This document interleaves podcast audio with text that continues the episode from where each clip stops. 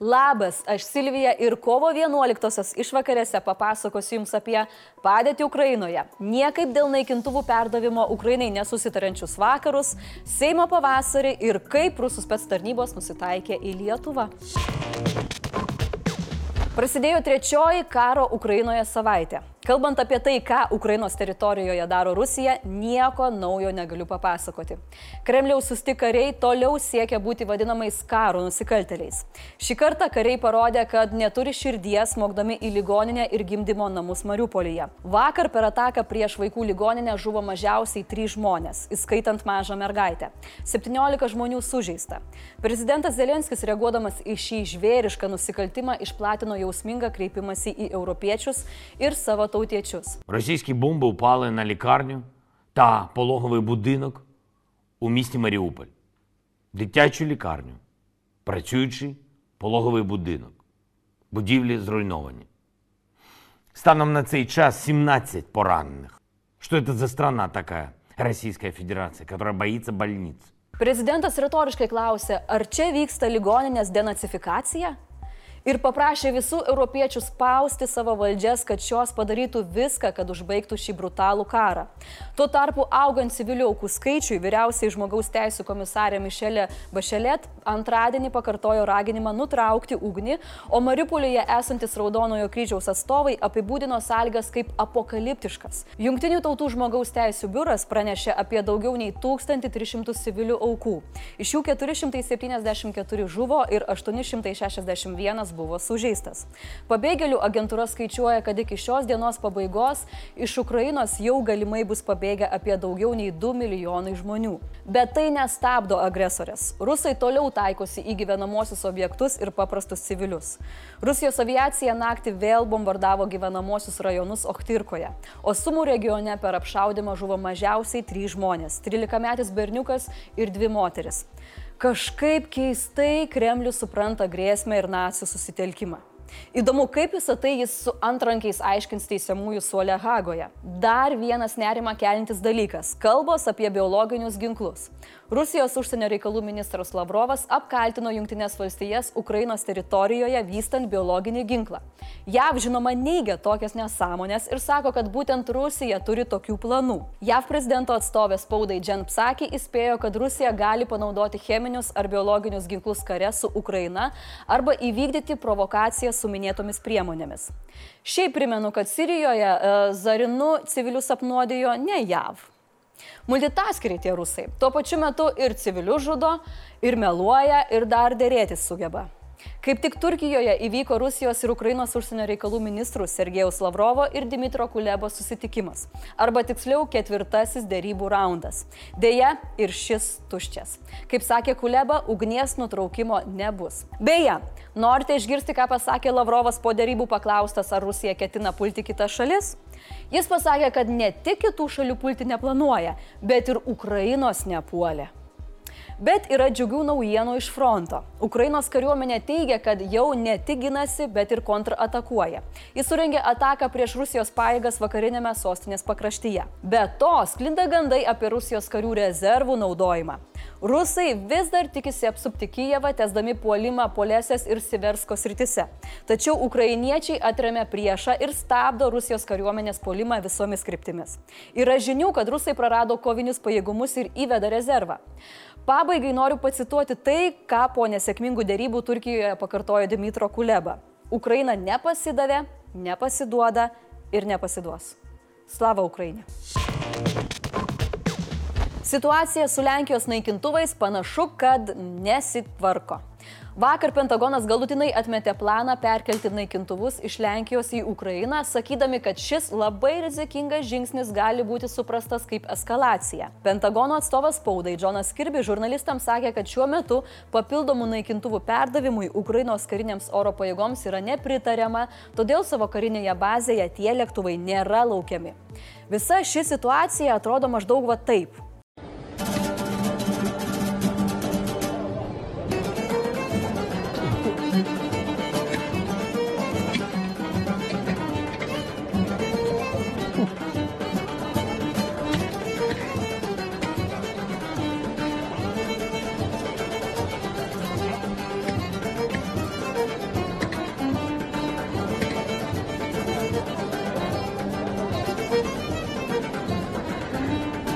Proga JAV viceprezidentė Kamala Harris su vizitu keliauja į Rumuniją ir Lenkiją. Susitikti arbatėliai numatoma su Lenkijos prezidentu Duda, premjeru Mateušu Muroveckiu ir nepatikėsit, bet su Kanados ministru pirmininku Justinu Trudeau, kuris irgi šiuo metu vieši Varšuvoje. Gal ten bilietai pigus, ne tik iš Lietuvos? Visas šis naikintuvų skandalas iš esmės vyksta dėl to, kad padėti Ukrainai šalis nori, bet nenori prisimti atsakomybės. Lenkai sako, gerai, naikintuvus duosim, bet duosim juos Amerikai, kad ji pati perdotų Ukrainai. Amerikiečiai sako, kad, nu žinokit, šį sprendimą įvykdyti ir priimti turi pati Lenkija. Žodžiu, kažkokie Šrioడింgerio naikintuvai. Nes kaip ir yra, ir juos gali atsiųsti, bet kaip ir nėra, ir nieko nesiūsim. O kol diplomatija kalbasi ir lietai, lietai bando kažką susiderinti, rusiškos bombos ir toliau krenta ant ukrainiečių galvų. Tiesa, dar naiviai galim tikėti, kad visa ši informacija yra akių dumimas ir iš tikro naikintuvai jau yra tiekiami ir sėkmingai numušinėja okupantų lakūnus. Tai gal aš labiau pasirinksiu šią versiją. O jūs parašykit komentaruose. Nors pavasaris prasidėjo jau prieš dešimt dienų, Seimo pavasario sesija prasidėjo tik šiandien. Parlamentarai užėmė savo darbo kėdės ir ėmėsi krūvos darbų. Jau per pirmą posėdį buvo ruošiamasi spręsti dėl nepaprastosios padėties pratesimo, svarstyti lėšų didinimą krašto apsaugai ir palaikyti Ukrainos siekį tapti ES nare. Prasidėjo šiandienos posėdis nuo Ukrainos parlamento vadovo Ruslano Stefančiuko kreipimasi į Lietuvą. Nuoširdžiai noriu padėkoti už visą tą palaikymą, kurį mes jaučiame šiandieną iš jūsų. Gerbėmieji Lietuvos Seimo nariai, aš niekada nepamiršiu tos akimirkos, kai tik pasirodžius žiniai apie užpolimą, jūsų delegacija atvyko pas mus į Ukrainą ir dalyvavo Ukrainos aukščiausiosios rados posėdyje. Rados vadovas dėkojo mūsų Seimui ir jo nariams už nenutrūkstantį Ukrainos palaikymą. Tuomet prie tribūnos kalbos sakyti stojo ir mūsų šalies vadovas Gitanas Nausėda. Prezidentas kalboje paminėjo, kad šiemet Seimo pavasario sesija bus kitokia, paženklinta nusikalstamos agresijos žyme. Jo teigimu, nors patys kare nedalyvaujame, šis karas yra ir mūsų. Todėl kartu su visu laisvuoju pasauliu einame į pagalbą kovojančiai Ukrainai. Anot nausėdo svarbu ne tik padėti kovojančiai Ukrainai, bet ir dar daugiau padaryti, kurdami Lietuvos ir jo žmonių gerovę, atsparumą bei saugumą. O tai reiškia, kad nuo NATO iki kiekvieno piliečio turime renktis totaliniai visuotiniai gynybai. Pasak Gitano, šalies gynybos biudžetą privaloma didinti gerokai sparčiau. Šiemet iki 2,5 procentų BVP, o artimiausiais metais iki 3.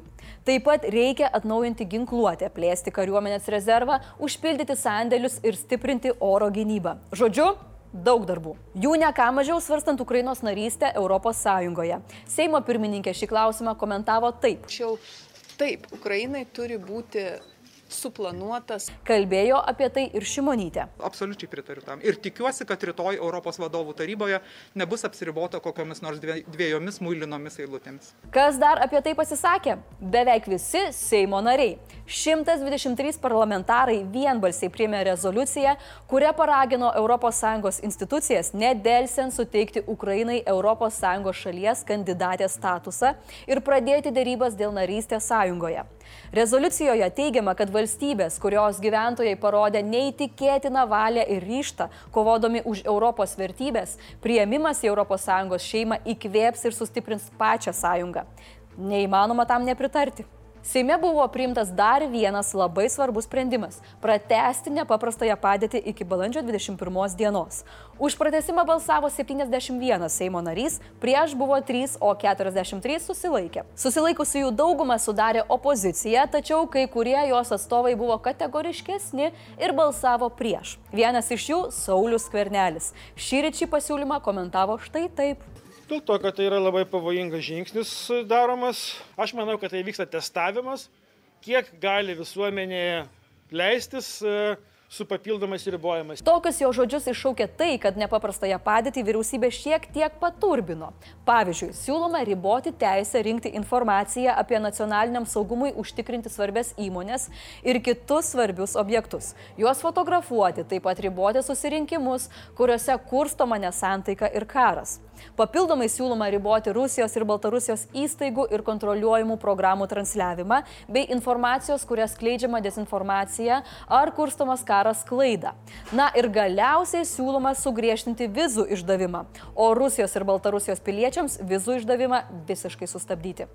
Čia, kad visokie žali žmogeliukai turėtų mažiau šansų pas mus patekti. Ir dar tie, kur visokius paleckius verbuoja. Apie tai papasakosiu jau tuoj. Lietuva yra vis dar saugi, o iš Rusijos neturime duomenų, kad jie planuotų mus pulti ar ruoštųsi kariniams veiksmams. Tai ramina. Tačiau neramina, kad aktyvėja Rusijos ir Baltarusijos specialiųjų tarnybų veikla, nukreipta prieš mūsų valstybę. Tokia informacija pasidalino prezidento patarėjas Kestutis Budrys. Pasak jo, vyksta kibernetinis šnipinėjimas, daromas informacinis politinis spaudimas. Be to, tarp prieglopščio prašytojų gali būti infiltruotų KGB agentų.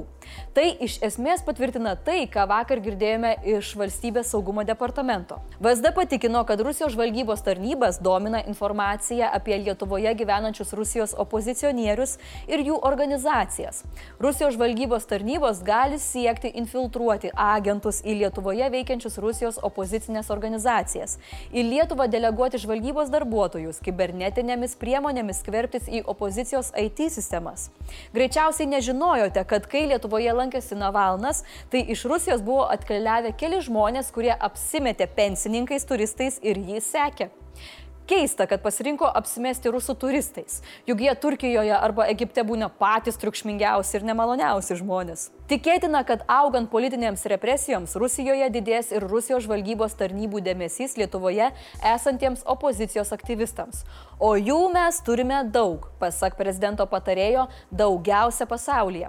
Kadangi Lukašenkos ir Putino režimai nekarta užsienyje vykdė nešvarius darbelius, tame tarpe ir žmogžudystės. Todėl Budrys įsitikinęs, kad mūsų šalis turi suteikti opozicionieriams geriausią pasaulyje apsaugą. Dar vienas įdomus nekarinės kovos su Lietuva būdas - elektros atjungimas. Yra grėsmė, kad tyčia ar netyčia mes būsime atjungti nuo Brel elektros žiedo. Jums turbūt jau kirba galvoje klausimas, kas tokiu atveju būtų su nuo mūsų priklausomu Kaliningradu?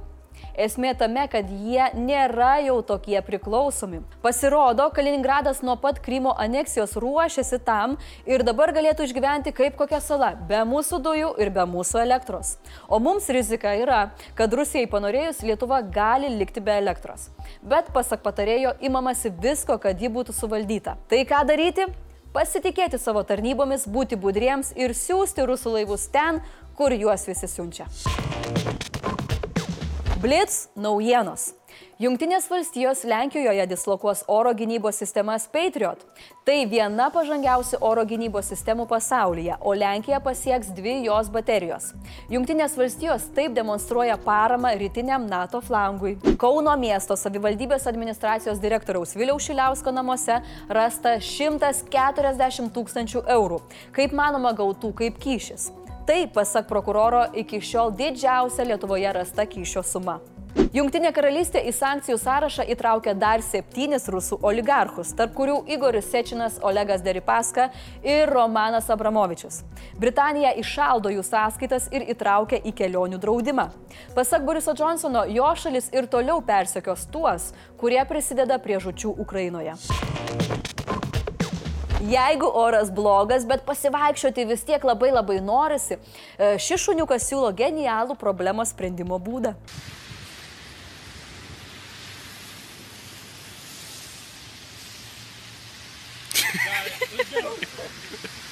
Draugai, gražios rytoj šventės, šveskime laisvę ir tiek žinių.